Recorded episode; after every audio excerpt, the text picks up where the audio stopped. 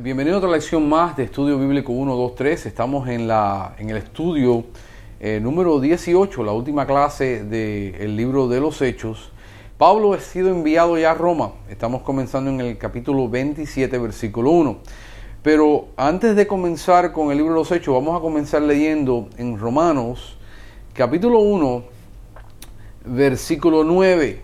Dice, porque testigo me es Dios a quien sirvo en mi espíritu, en el Evangelio de su Hijo, de que sin cesar hago mención de vosotros siempre en mis oraciones, rogando que de alguna manera tenga al fin por la voluntad de Dios un próspero viaje para ir a vosotros. Pablo estaba deseando, cuando Pablo escribe esta carta, muchos piensan que Pablo está en Corintio, escribiendo la carta a los romanos, y diciéndole que él deseaba ir a ellos. Y aquí en el capítulo 27, eh, versículo 1, se cumple el deseo de Pablo de ir a Roma. Pero lo interesante del caso es que Pablo dice, en el 10 dice que por la voluntad de Dios, yo tenga un próspero viaje para ir a vosotros. Eh, nosotros tenemos en la economía de Dios, en el sistema de Dios, Dios mide la prosperidad de una manera diferente. Nosotros aquí en el mundo, viviendo en este mundo, tenemos una tendencia de mirar la prosperidad en lo que tenemos. Si tú miras siempre la palabra prosperidad en la Biblia, está hablando de llevarte de un nivel a otro nivel, a otro nivel. En este caso, la palabra prosperidad en el libro de Romanos significa que yo tenga un viaje recto a ustedes sin demora, sin ningún inconveniente. Y sin embargo vemos a Pablo aquí en el libro de Romanos pasando unas dificultades tremendas para llegar a ello. Y el deseo de Pablo era tener un viaje próspero. No que él iba a tener cosas materiales en el camino, porque nosotros tendemos la tendencia de ver la prosperidad solo de una manera, de que si tenemos algo tangible de valor, entonces somos prósperos. Pero Dios tiende, en la economía de Dios, Dios mide la prosperidad de qué etapa a etapa a etapa, de lugar en lugar en lugar que Él te lleva. Pablo, en el libro de los Hechos, cuando en el versículo 9, en el, perdón, en el capítulo 9, eh, vamos a ir al 9, versículo 15, dice, el Señor le dijo, eh, Ananías, eh, Dios se le revela a Ananías, le dijo, mira, tienes que ir a, Pablo porque Saulo está en la ciudad y yo lo he escogido. Y Ananías tiene un problema con este asunto porque le está diciendo, tú no sabes quién es este hombre Saulo, como, ha, como ha luchado contra la iglesia y como ha hecho todas las cosas contra la iglesia. Y Dios le dice, mira, el Señor le dijo, ve, porque instrumento escogido mío es este para llevar mi nombre en presencia de los gentiles y de reyes y de los hijos de Israel. A tres personas Dios le manda, a los gentiles, a los reyes y a los hijos de Israel. Y el, y el 16 dice, porque yo le mostraré cuánto es necesario padecer por mi nombre. Ve, lamentablemente el mundo ha infiltrado a la iglesia y el mundo ha infiltrado el Evangelio de Jesucristo.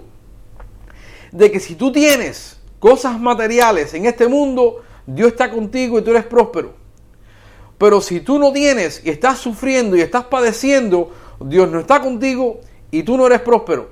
Y sin embargo, vemos aquí Dios diciéndole, Pablo deseando tener un viaje próspero e ir a ellos, un viaje recto, un viaje derecho hacia ellos. Y Dios diciendo a Ananías, es necesario demostrarle a este hombre lo que él va a tener que padecer por este evangelio que va a predicar. Y ahora Pablo aquí estamos viendo un viaje de Pablo. Vamos a ir entonces a Hechos, capítulo 27, versículo 1. Y dice, cuando se decidió que habíamos de navegar para Italia, entregaron a Pablo y algunos otros presos a un centurión llamado Julio de la compañía Augusta. ahora Pablo va en cadenas a Roma. Pablo va como un preso a Roma. Y embarcándonos en una nave adramitiana que iba a tocar los puertos de Asia, zarpamos estando con nosotros Aristarco, macedonio de Tesalónica. Al otro día llegamos a Sidón y Julio, tratando, eh, eh, perdón, eh, llegamos a Sidón y Julio, Julio era el centurión que estaba custodiando a Pablo, tratando humanamente a Pablo, le permitió que fuese a los amigos y ser atendido por ellos. Y haciéndonos a la vela, desde allí navegamos eh, Sotavento de Chipre, porque los vientos eran contrarios. Ahí vamos a empezar a ver que a veces nosotros tenemos que aprender a distinguir, para que empieces a ver lo que está sucediendo, entre la resistencia de Satanás, la voluntad de Dios y lo que nos sucede a nosotros en el camino sirviendo a Dios. Porque todo lo que nos pasa a nosotros, ve, no es porque nosotros estamos mal con Dios. Porque nosotros no estamos, eh, a veces pensamos que la tendencia de, del Evangelio nuevo, moderno, es que si tú estás en el camino correcto, todo te tiene que ir bien y no vas a tener dificultad para servir a Dios y todo se te va a presentar en el camino perfectamente. Y Dios aquí nos enseña que ya desde el principio de Pablo los vientos eran contrarios a lo que a donde Pablo quería ir, a donde Pablo tenía que llegar, que era Roma, que era Italia. Y ya lo vemos. Entonces dice, versículo 5, habiendo atravesado el mar frente a Cilicia y Panfilia, arribamos a Mira, ciudad de Licia. 6. Y hallando allí el centurión una nave alejandrina que zarpaba para Italia, nos embarcamos en ella. Han cambiado de barco dos veces. El primero y ahora van a cambiar para este. Embarcamos en ella y navegando muchos días despacio y llegando a duras peñas frente a Nido, porque nos impidía el viento, navegamos eh, a, Sotovento de, de Creta frente a Salmón. Dos veces está impidiéndole el viento que ellos avancen. Escucha. Navegando muchos días después llegamos duras peñas, ah, perdón, y eh, el versículo 9.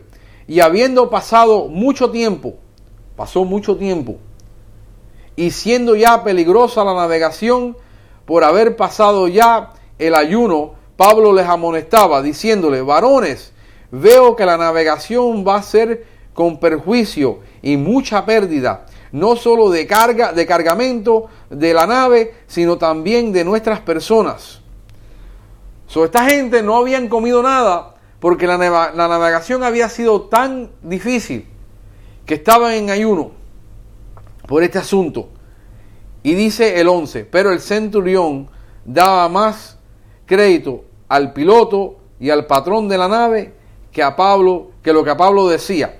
Claro, Pablo es un hombre que es un preso. Esta gente son el dueño de la nave y el piloto tienen experiencia. Y Pablo está profetizando acerca de lo que va a suceder.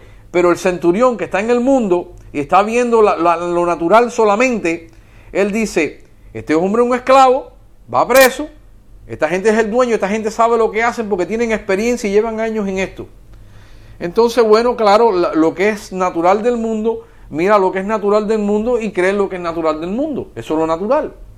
Entonces, en el, en el 12 dice, y siendo incómodo el puerto para invernar, la mayoría acordó zarpar también de allí, eh, por si pudiesen arribar a Fenice, puerto de Creta, que mira al noreste y sudeste, y invernear ahí. Quiere decir que ya el tiempo estaba cambiando, se iba a poner frío. Este puerto no estaba adecuado para ellos poder invernar y se reconocieron todos los que estaban ahí, los expertos de la navegación, y dijeron, no, vamos a seguir y vamos a llegar a este lugar porque ahí va a ser mejor para pasar el invierno.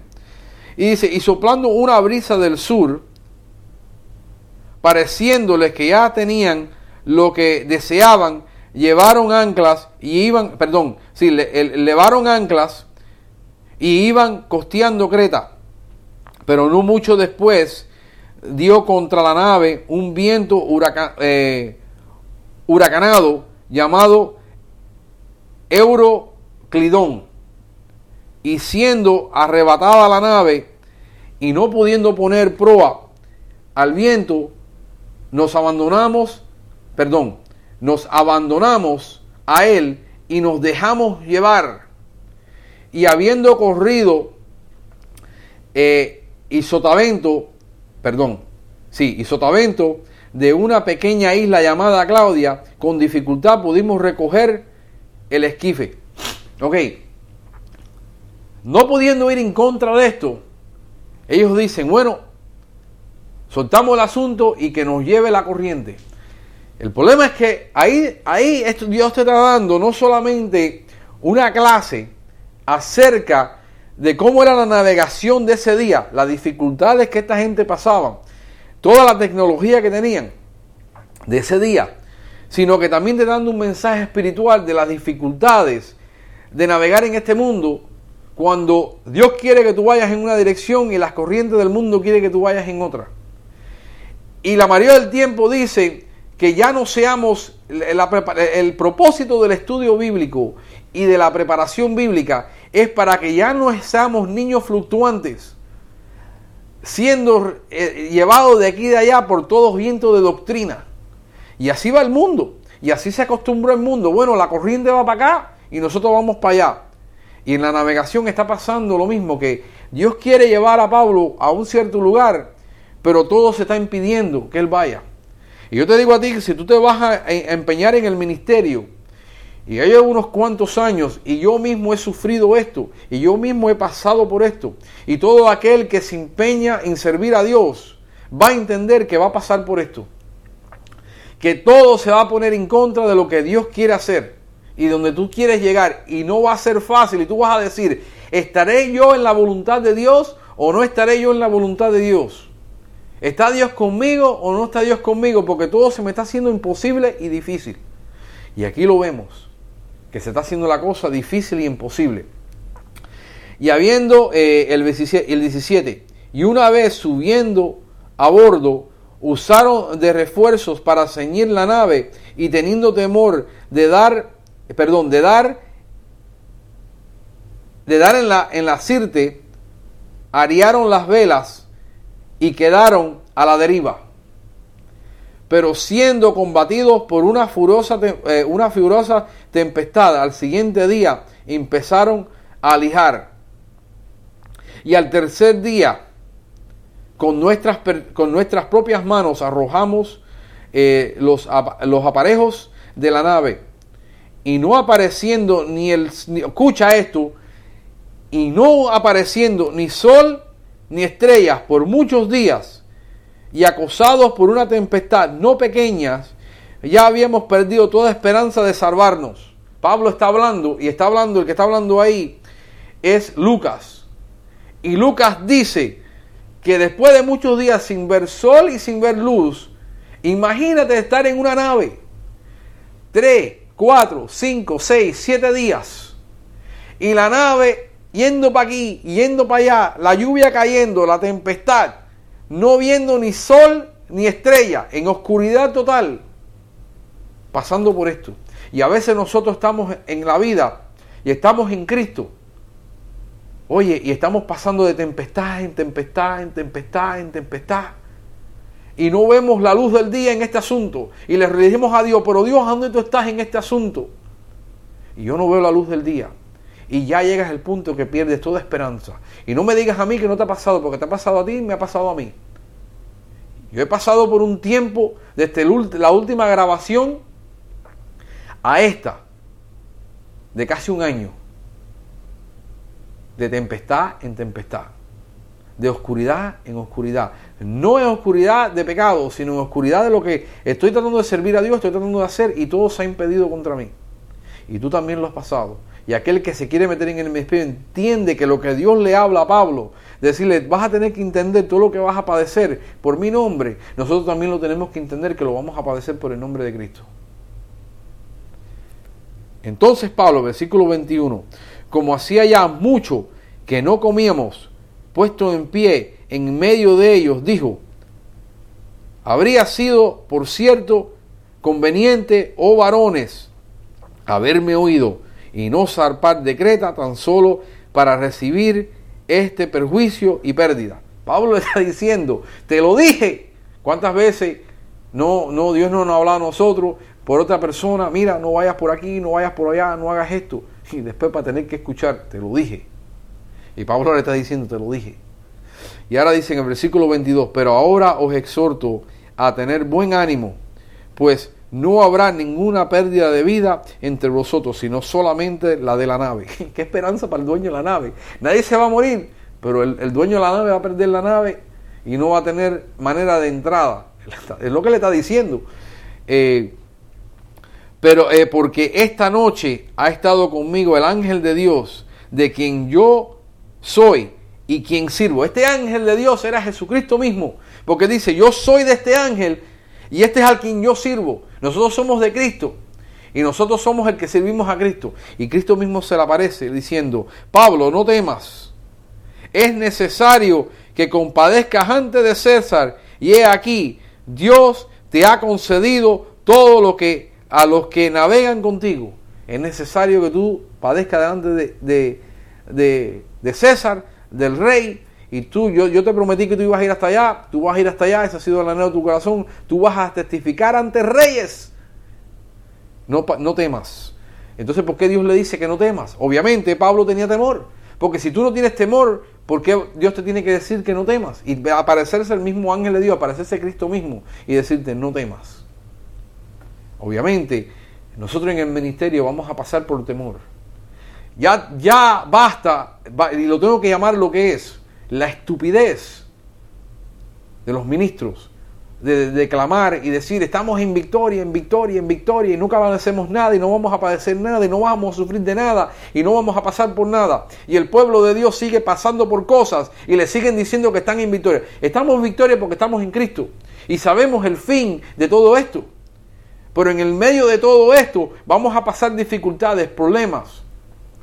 David jamás, cuando estaba oyendo de Saúl, se paró y diciendo, yo no estoy, yo estoy en victoria, no estoy pasando por nada, yo estoy de gloria en gloria, nada me está pasando. Este, este, esto, esto que está pasando con Saúl nunca me está pasando. Lo que está pasando con mis hijos no está pasando.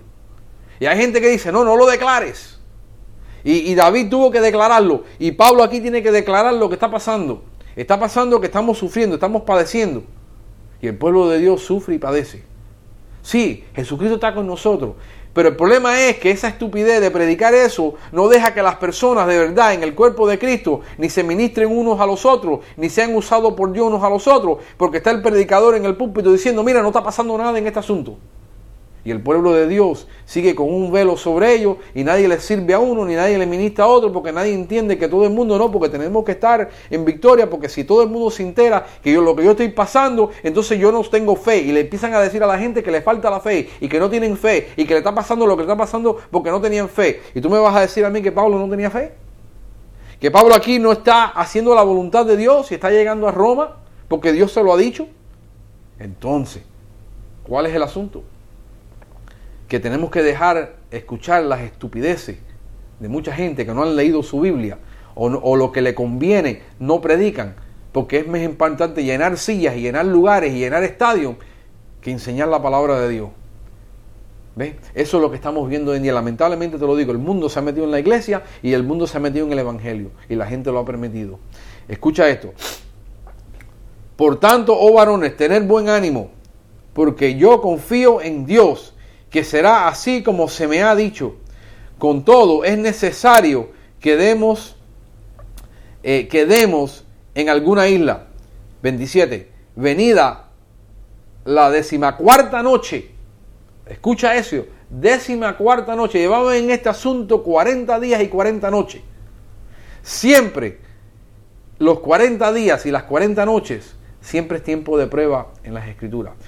Yo sé que se le ocurrió por ahí a un pastor, a un predicador, empezar a enseñar que en 40 días tú conoces la voluntad de Dios. En 40 días la Biblia siempre te enseña que los 40 días y 40 noches son de prueba. Siempre son de prueba. Nunca son de para tú empezar a descubrir eh, cuál es el propósito de Dios para tu vida. Si ya tú no sabes cuál es el propósito para Dios y tú no has enterado, estás en oscuridad. Entonces, dice aquí,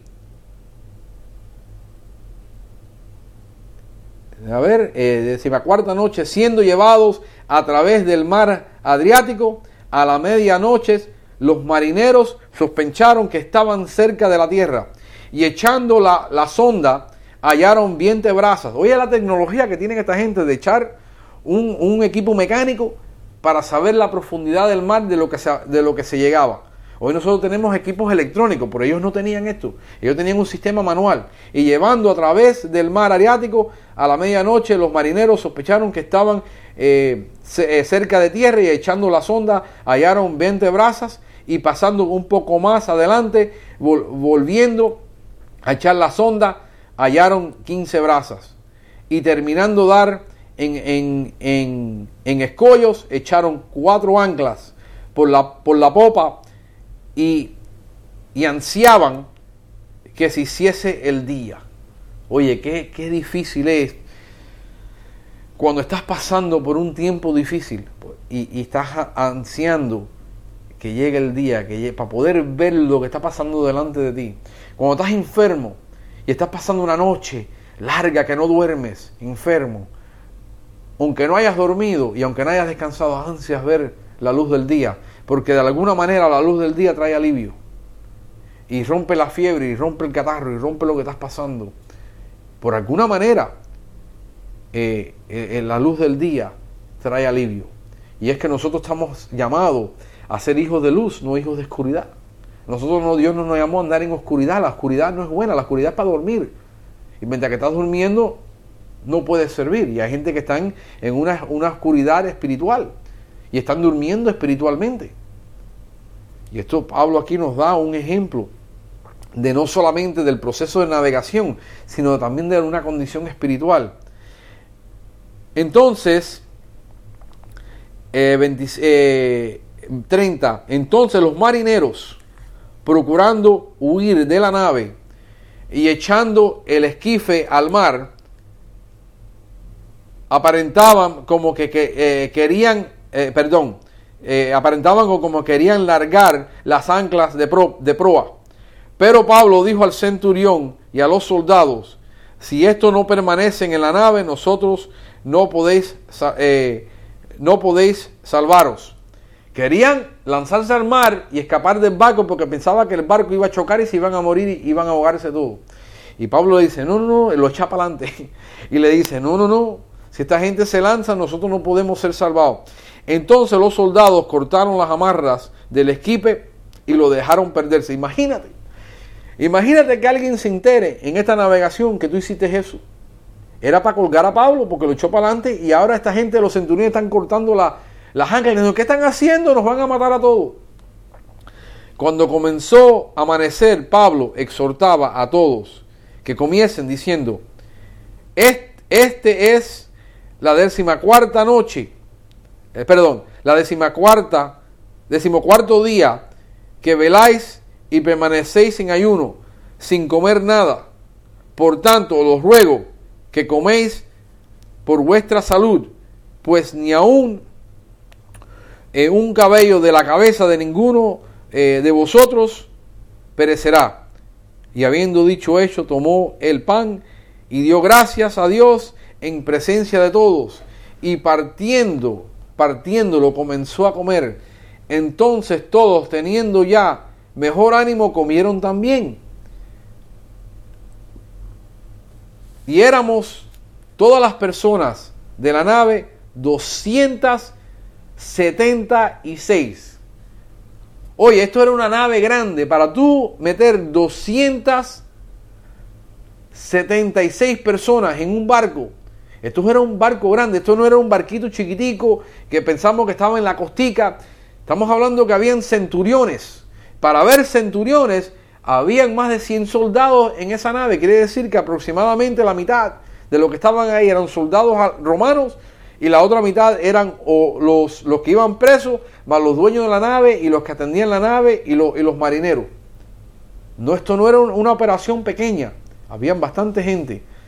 Entonces, 38 dice, y ya satisfechos, alijaron la nave echando el trigo al mar, comieron lo que era necesario para alejar la nave, para que la nave pudiera flotar mejor, y lo echaron al mar.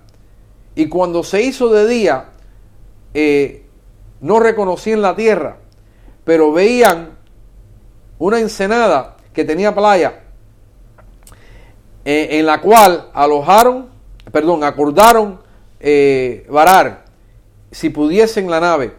Cortando pues las anclas, la dejaron en el mar, largando también las amarras eh, del timón. Y izada al viento la vela de proa, enfilaron hacia la playa, cogieron y soltaron todo, pusieron la, la, vela que cogiera hacia allá y que lo llevara hasta, hasta tierra. Entonces, el versículo 41, pero dando en un lugar de, dos aguas, hicieron en, en, encallar la nave y la proa hincada quedó inmóvil y la, y la, y la, perdón, y la popa se abría con la violencia del mar. Quiere decir que se encallaron, todo se empezó a desarmar, la nave se le empezó a meter agua y ahora empieza un problema. 42. Entonces los soldados acordaron matar a los presos para que ninguno se fuese nadando. 43. Pero el centurión, queriendo salvar a Pablo, les impidió este intento y mandó que los que eh, pudiesen nadar se echasen, eh, se echasen los primeros y saliesen a tierra. Y, lo, y los demás, parte, eh, demás, los demás parten tablas eh, y parten cosas de la nave. Y así aconteció que todos se salvaron saliendo a tierra. Esto es interesante que Dios le da gracia a Pablo otra vez más con otros soldados romanos, no siendo cristiano, no siendo creyente. Y Dios pone en este hombre y dice, no, no, yo quiero salvar a Pablo y yo no voy a permitir que maten a nadie.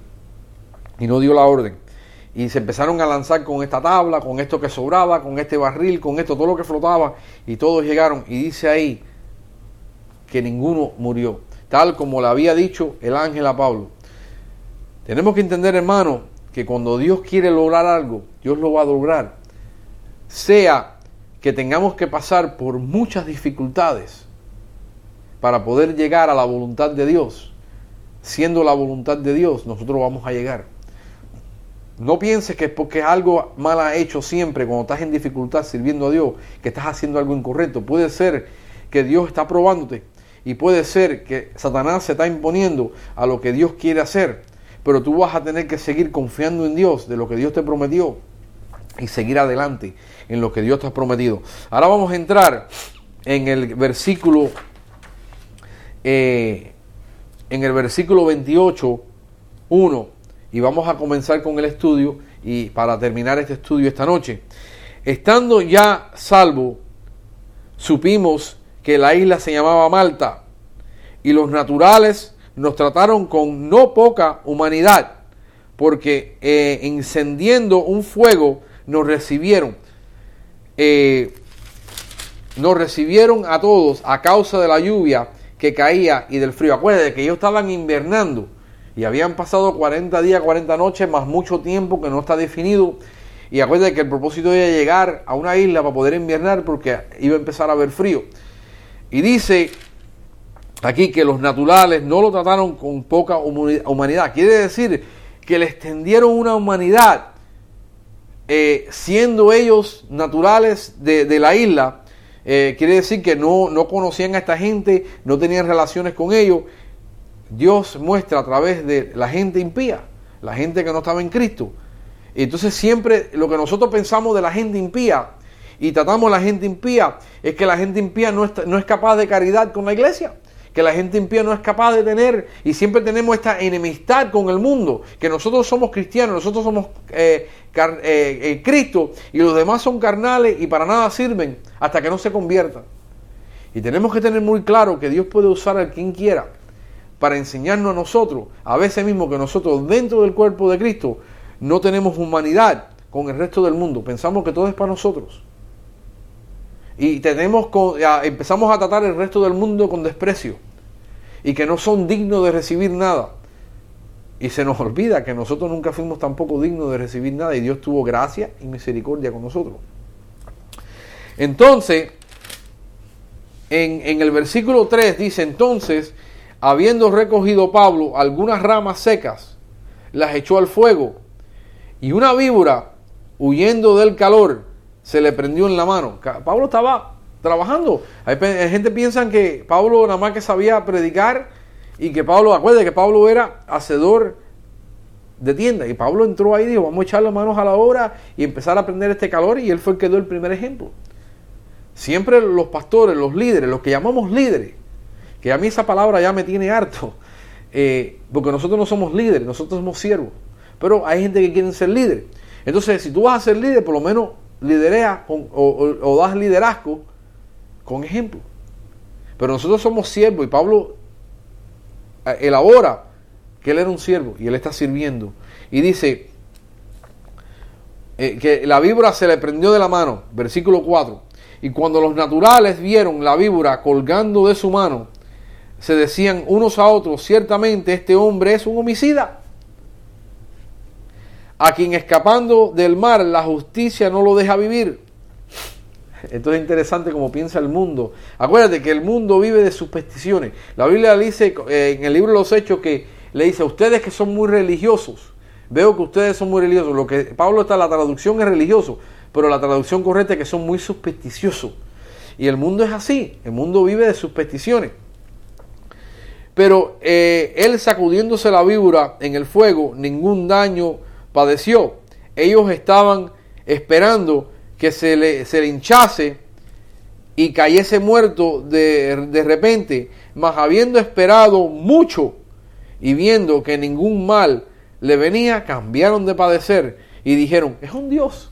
Ahora era un hombre malo y ahora es un Dios. Igualito que pasó en Creta, igualito que pasó, eh, pasó en, cuando estaba en Grecia, que en un momento Pablo es, es un hombre y de momento es un Dios y de momento tienen un padecer y quieren colgarlo y botarlo de la ciudad. Así es el mundo. Tenemos que acostumbrarnos a eso, que el mundo se comporta de esa manera. Entonces es un Dios. Entonces en aquellos lugares había propiedades del hombre principal de la isla, llamado Publio, quien nos recibió y hospedó solícitamente tres días. Y aconteció que el padre de Publio estaba en cama, enfermo de fiebre y de disentería. Y entró Pablo a verle y después de haber orado, le impuso las manos y le sanó. Siempre tienes que ver que este es el orden bíblico. Hay gente, yo sé que voy a ir en contra de muchas cosas y de muchas tradiciones. Y, entonces la gente piensa que yo lo único que estoy buscando es cómo discrepar con todo el mundo. Yo no estoy buscando cómo discrepar con todo el mundo. Yo lo que simplemente estoy dando el orden bíblico. Hay gente que le impone la mano a la gente y ora para que se sanen. Y empiezan a declarar cosas y decir cosas y moverle la cabeza a la gente. Y ese no es nunca el orden bíblico. Siempre que van a sanar a alguien, oran primero y después imponen las manos. Nunca imponen las manos con oración. Nosotros empezamos ahí una oración de tres horas, declarando y echando para afuera y, empujando y, y haciendo 20 mil disparates cuando ese no es el orden bíblico. La Biblia te manda primero orar. ¿Y qué si no es la voluntad de Dios que ese hombre se sane? Y estamos ahí declarando, fuera, fuera, y que es un demonio, y que es esto, y, la sanidad, y declarando que tú eres sano en el nombre de Cristo. Y el hombre tres años sigue enfermo y no se sana en el nombre de Cristo. Porque no es la voluntad de Dios. No siempre es la voluntad de Dios que tú seas sano. Hay tiempos en mi vida que Dios me ha sanado y hay tiempos en mi vida que Dios no me ha sanado. Pablo, Dios no lo sanó de los ojos.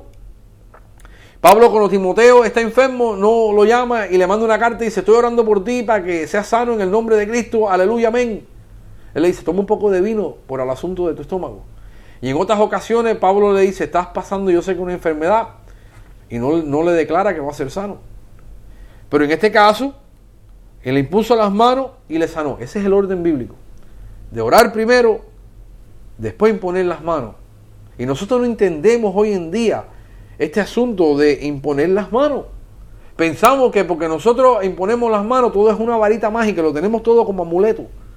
Que si decimos esto en el nombre de Cristo, imponemos las manos y echamos aceite, se va a hacer el asunto, porque esa es la voluntad de Dios que nosotros lo hagamos. Y no entendemos. Entonces, versículo 9, hecho esto, también los otros que en la isla tenían enfermedades, venían y eran sanados. Tú ves, todos eran sanados. No, no todos. Todo aquel en la isla que tenían enfermedades y venían, eran sanados. Requiere una movida de fe en la parte de la persona que va a recibir la sanidad de venir a recibir su sanidad también. Eso lo entendemos. Los cuales también nos honraron con muchas atenciones y cuando zarparon nos cargaron de las cosas necesarias. ¿Ve? Pablo hizo muchos milagros extraordinarios que Dios se movió a través de Pablo en muchas maneras para confirmar que Dios estaba con ellos, porque esto no se había visto hasta ahora.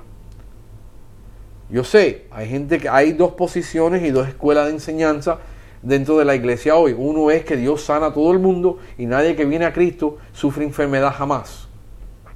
Por el otro lado está el otro extremo, el grupo de gente que dice, no, ya Dios no hace sanidades hoy en día. Eso era algo nada más que para ese tiempo cuando se estaba eh, eh, eh, Dios demostrando a través de los apóstoles. Y los dos están erróneos. Dios sí sana hoy en día, pero no siempre Dios sana a todo el mundo y no todo aquel que está en el reino de Dios vive sanamente toda su vida. Tenemos que ver todas las escrituras completas. Hay ejemplos en la escritura que Dios no sana. Hay ejemplos en la escritura que Dios sana a todo el mundo. ¿Y cuál es la voluntad de Dios? La voluntad de Dios sigue siendo la voluntad de Dios. Dios es soberano, Dios escoge a quién va a sanar y a quién no va a sanar. Eventualmente, al final de todo, somos sanados. Porque de algo tenemos que morirnos para entrar en el reino de Dios. Nadie entra en el reino de Dios hoy en día vivo.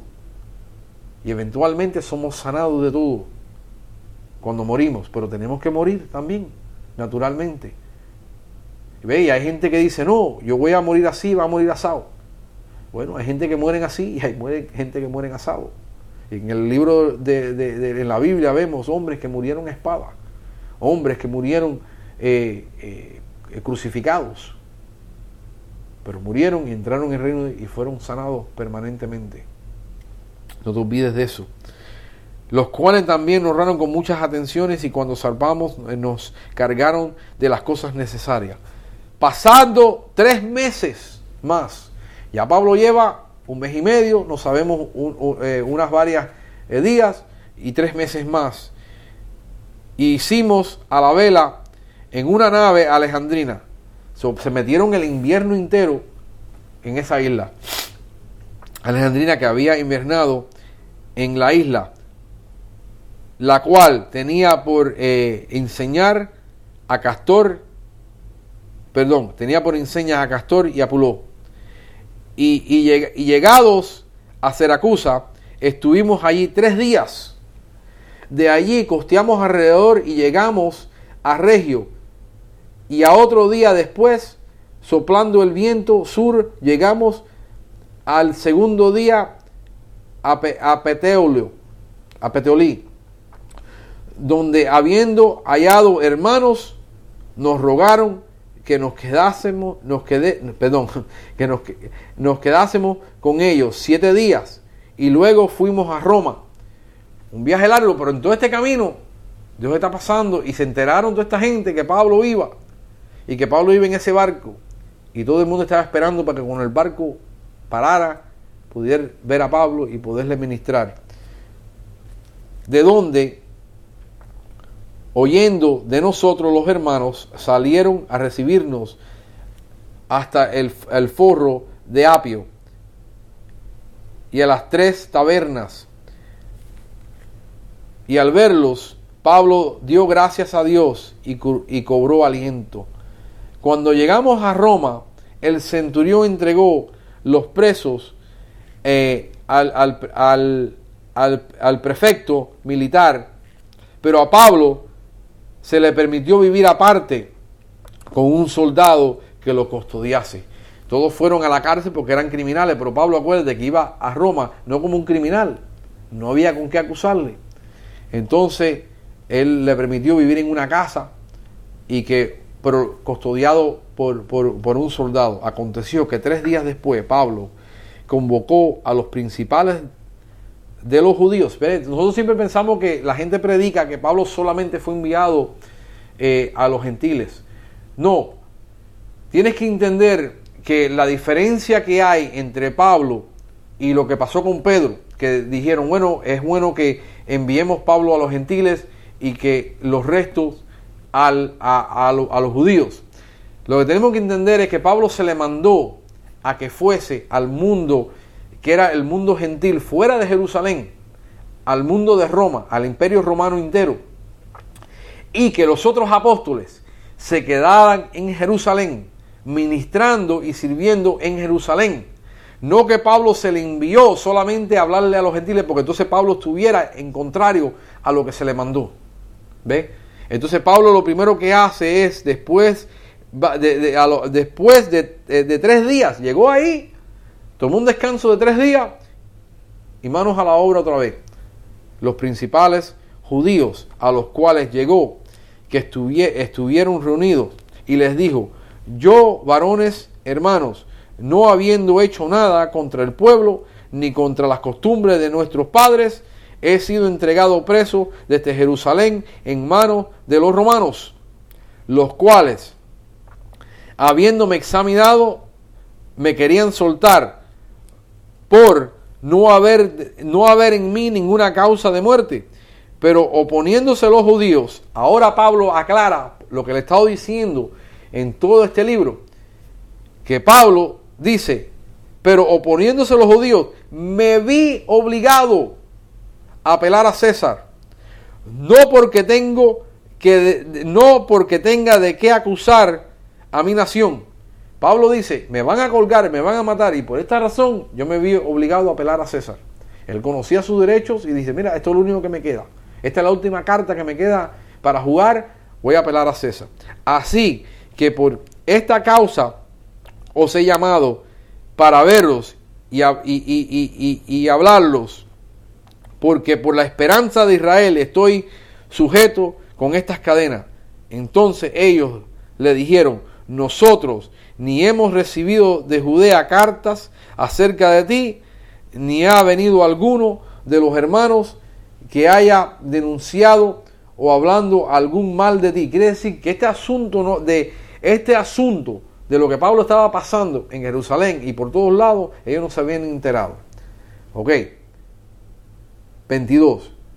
Pero queremos o queríamos oír de ti lo que piensas, porque de esta secta nos, perdón, porque de esta secta no es notorio que en todas partes se habla contra ella. Entonces están hablando de que quiero que me hables acerca de la secta esta de los cristianos, porque se habla por todas partes. Eso sí lo habían escuchado, pero no habían escuchado. Entonces Pablo, cuando Pablo está en Romanos, y él le dice, mira, yo estoy anhelando ir a predicarle a ustedes. Ya había una iglesia establecida en Roma. Y vamos a entrar en eso cuando entremos en Romanos. Pero los judíos no habían escuchado el Evangelio. Quiere decir que alguien había predicado el Evangelio y había una iglesia ya establecida, pero el cuerpo de judíos no había escuchado el Evangelio. Entonces, porque eso Pablo dice, yo tengo que ir a ustedes y tengo que ir a Roma a predicar el Evangelio, porque esta gente no había escuchado el Evangelio. Quiere decir que la iglesia que estaba ahí, los grupitos de, cristianos que estaban ahí, estaban ahí que no se habían divulgado todavía y no estaban evangelizando. ¿Ves? Lo vemos aquí. Entonces, entonces el 23, habiéndoles señalado un día, vinieron a él muchos a la posada, a los cuales se declaraba y les testificaba el reino de Dios desde la mañana hasta la tarde, persuadiéndolos acerca de Jesús, tanto por la ley de Moisés como por los profetas. Y algunos asentían a lo que se decía, pero otros no creían. Y como no estuviesen de acuerdo entre sí al retirarse, les dijo Pablo estas palabras. Bien habló el Espíritu Santo por medio del profeta Isaías a, nuestros padres, diciendo, ve a este pueblo y diles, de oídos oirás y no entenderás, y viendo veráis y no percibiráis. Oye, yo quiero que tú pienses un momentico lo que sufrieron esta gente, los profetas. Porque Pablo le dice, le está mandando a los profetas Isaías a decir, mira, ves y predica, pero no van a escuchar. Y tú dices, esto es un ejercicio inútil que Dios me está mandando a hacer, de hacer las cosas, y la gente no escucha. Y tú piensas que cada vez que Dios te manda algo, Dios te está mandando y el resultado que tú estás esperando es diferente. Y Dios le manda a decir, yo te voy a mandar a predicar, pero no van a escuchar. Y dices, ¿para qué entonces me mandas? Porque tú tienes que entender la justicia de Dios. Que Dios no puede juzgar a nadie sin primero darle la oportunidad de rechazarlo para que entonces no puedan decir el día de mañana, nadie me lo dijo. En el Evangelio, aunque no escuche, tú tienes que entender que obra la justicia de Dios. Dios no es injusto. Entonces, 27. Porque el corazón de este pueblo se ha engrosado y con los oídos oyeron pasadamente y sus ojos han cerrado para que no vean con los ojos ni oigan con los oídos y entiendan de corazón y se conviertan y yo los sanes. Ve, entonces tú dices, ellos escogieron cerrar sus ojos. Ellos escogieron cerrar su corazón. Ellos fueron los que escogieron después de haber escuchado la verdad. Dice Dios, pero yo le di la oportunidad y no me pueden decir que no le di la oportunidad de escuchar. 28. Saber pues que a los gentiles es enviada esta salvación de Dios y los ellos oirán. Le dio primero la oportunidad y hizo la voluntad de Dios de ir a, a Roma a evangelizar para que todos escucharan, pero ahora, como siempre era la costumbre de Pablo, ya después que el, cuerpo judío había desechado la palabra de Dios, entonces él le daba la oportunidad a los gentiles que escucharan. Y cuando hubo dicho esto, los judíos se fueron teniendo gran discusión entre sí. Y Pablo permaneció dos años entre, enteros en una casa alquilada y recibía a todos los que venían y predicando el reino de Dios y enseñando acerca del Señor Jesucristo abiertamente y sin impedimento. Eh, tenemos que haber, hacer siempre una, una distinción entre la predicación del Evangelio o la predicación del reino de Dios y la enseñanza. La predicación del reino de Dios o la predicación del Evangelio es para el inconverso, pero la enseñanza es para el cuerpo de Cristo. La enseñanza no es para el inconverso. El inconverso no tiene cómo aprender, por mucho que lea, por mucho que lea, lo que Dios le está diciendo, a no ser que tenga un nuevo espíritu, un nuevo nacimiento, el espíritu de Dios dentro de ellos que interprete al espíritu de ellos lo que Dios está diciendo. Entonces, eh, hay muchas iglesias que le gusta predicar el evangelio desde el púlpito yo creo que desde el púlpito es para el cuerpo de Cristo. Cuando la iglesia se reúne, se congrega y se reúne para tener cononía entre ellos y entre el cuerpo, entre Cristo y el Espíritu Santo y Dios. Eh, el, el, trabajo de la predicación del Evangelio nos pertenece a nosotros. Y después que la persona ha venido a Cristo, entonces lo invitas a la iglesia. No lo invites a la iglesia porque la iglesia no se va, la iglesia se pertenece. O tú eres del cuerpo o no eres del cuerpo. Tú no puedes injertar algo en el cuerpo que es fuera del cuerpo porque siempre hay un rechazo. Esto lo sabemos con los trasplantes. Que el cuerpo, por mucho que tú quieras, no lo acepta. Tienes que tomar medicina una vida entera para que el, para que el, cuerpo no rechace el órgano.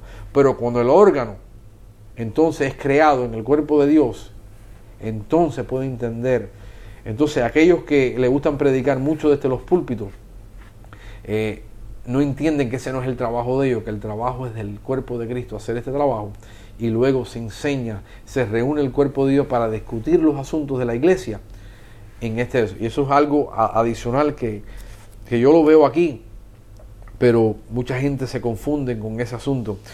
Creo que vayas entonces a Efesios, eh, versículo 2, capítulo 2, perdón, Efesios 2, 10. Efesios 2.10. Vamos a ir a Efesios 2.10. Porque somos hechura suya, creados en Cristo Jesús para buenas obras, las cuales Dios preparó de antemano para que anduviésemos en ellas. Hermano, tú tienes que entender que todo lo que está pasando en tu vida, que tú estés dentro de la voluntad de Dios, que tú estés haciendo lo que Dios dice y viene contra ti la dificultad, viene contra ti. No, no estamos hablando de la persona que está viviendo en pecado o que escoge en alguna área de su vida no permitir que Dios reine y que, y que vamos a decir en el negocio la persona insista en hacerlo todo incorrecto y la gente se confunde a veces pensando que Dios está con ellos porque Dios no trae juicio contra ellos y ellos siguen pecando y piensan que Dios está bendiciéndolo en su negocio, en su vida, porque ellos siguen, Dios tiene misericordia y Dios tiene longanimidad en, en su vida y Dios tiene gracia. No confundas que Dios no traiga juicio contra ti, como que Dios está probando el asunto, porque Dios no está probando el asunto. Tampoco confundas que si tú estás caminando en Cristo, tú estás haciendo la voluntad de Dios, tú estás sirviendo a Dios, que también ahora tú estás en pecado o Dios está en contra de ti porque haya dificultades en tu vida. Y tenemos que entender que todo lo que nosotros estamos pasando es la voluntad de Dios si estamos caminando en Él. Porque dice que toda la buena obra Él la preparó desde antemano para que nosotros caminemos y estuviéramos en ella. Entonces no te desanimes no te desanimes a tú que estás haciendo la voluntad de Dios y estás viendo el mundo y estás viendo las iglesias que están predicando error y estás viendo el aquel que anda en, pecando, en pecado, prosperando financieramente y pensando que Dios está en contra de ti y tú que estás haciendo las cosas bien hechas, todo te va mal y aquel que hace todo incorrecto y no entres en las comparaciones. Busca a Dios. Deja que Dios te lleve porque vas a tener que pasar por los 40 días y los 40 noches de prueba, en oscuridad a veces, para que cuando salgas al otro lado, a la luz del día, entonces puedas llegar a donde llegó Pablo,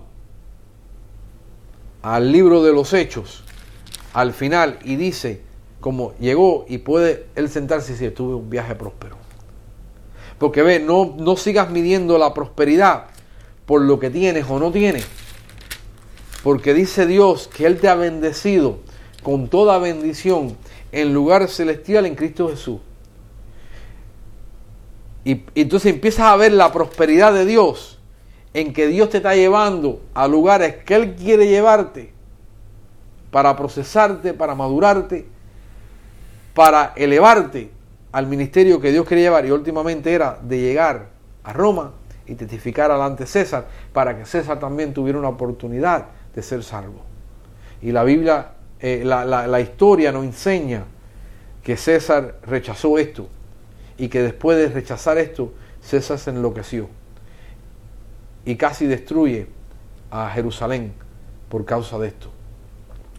Eh, yo espero que este estudio te haya ayudado a entender la iglesia primitiva y que nosotros estamos supuestos a imitar a esta iglesia primitiva, pero lamentablemente 1500 años de religión todavía no hemos estirpado de nosotros las tradiciones y la religión para poder vivir como Dios quiere, a pesar de que esto va en contra de la marea, en contra de la dirección, en contra del aire de este mundo que lamentablemente también se ha metido en la iglesia y por conveniencia tenemos hoy muchas cosas dentro de la iglesia que Dios nunca tuvo intención para tener dentro de la iglesia, pero hoy tenemos que vivir con ellas. Y que aprendamos a, confiar en Dios y a vivir una vida más sencilla en, nuestro cuerpo, en, en nuestro servicio a Dios, en nuestro servicio a nuestros hermanos, tener sencillez de corazón, como estos hombres ejemplaron aquí, que tenían sencillez de servirse unos a los otros. Yo espero que esto te haya ayudado y espero verte en la próxima eh, estudio y vamos a comenzar también otra vez con el libro de Génesis y también comenzar con el libro de Romanos eh, prontamente. Eh, le doy gracias por la atracción prestada y que Dios le bendiga y que Dios los prospere, que prosperen en todas cosas como ah, prospera su alma, como dice la palabra de Dios. Muchas gracias.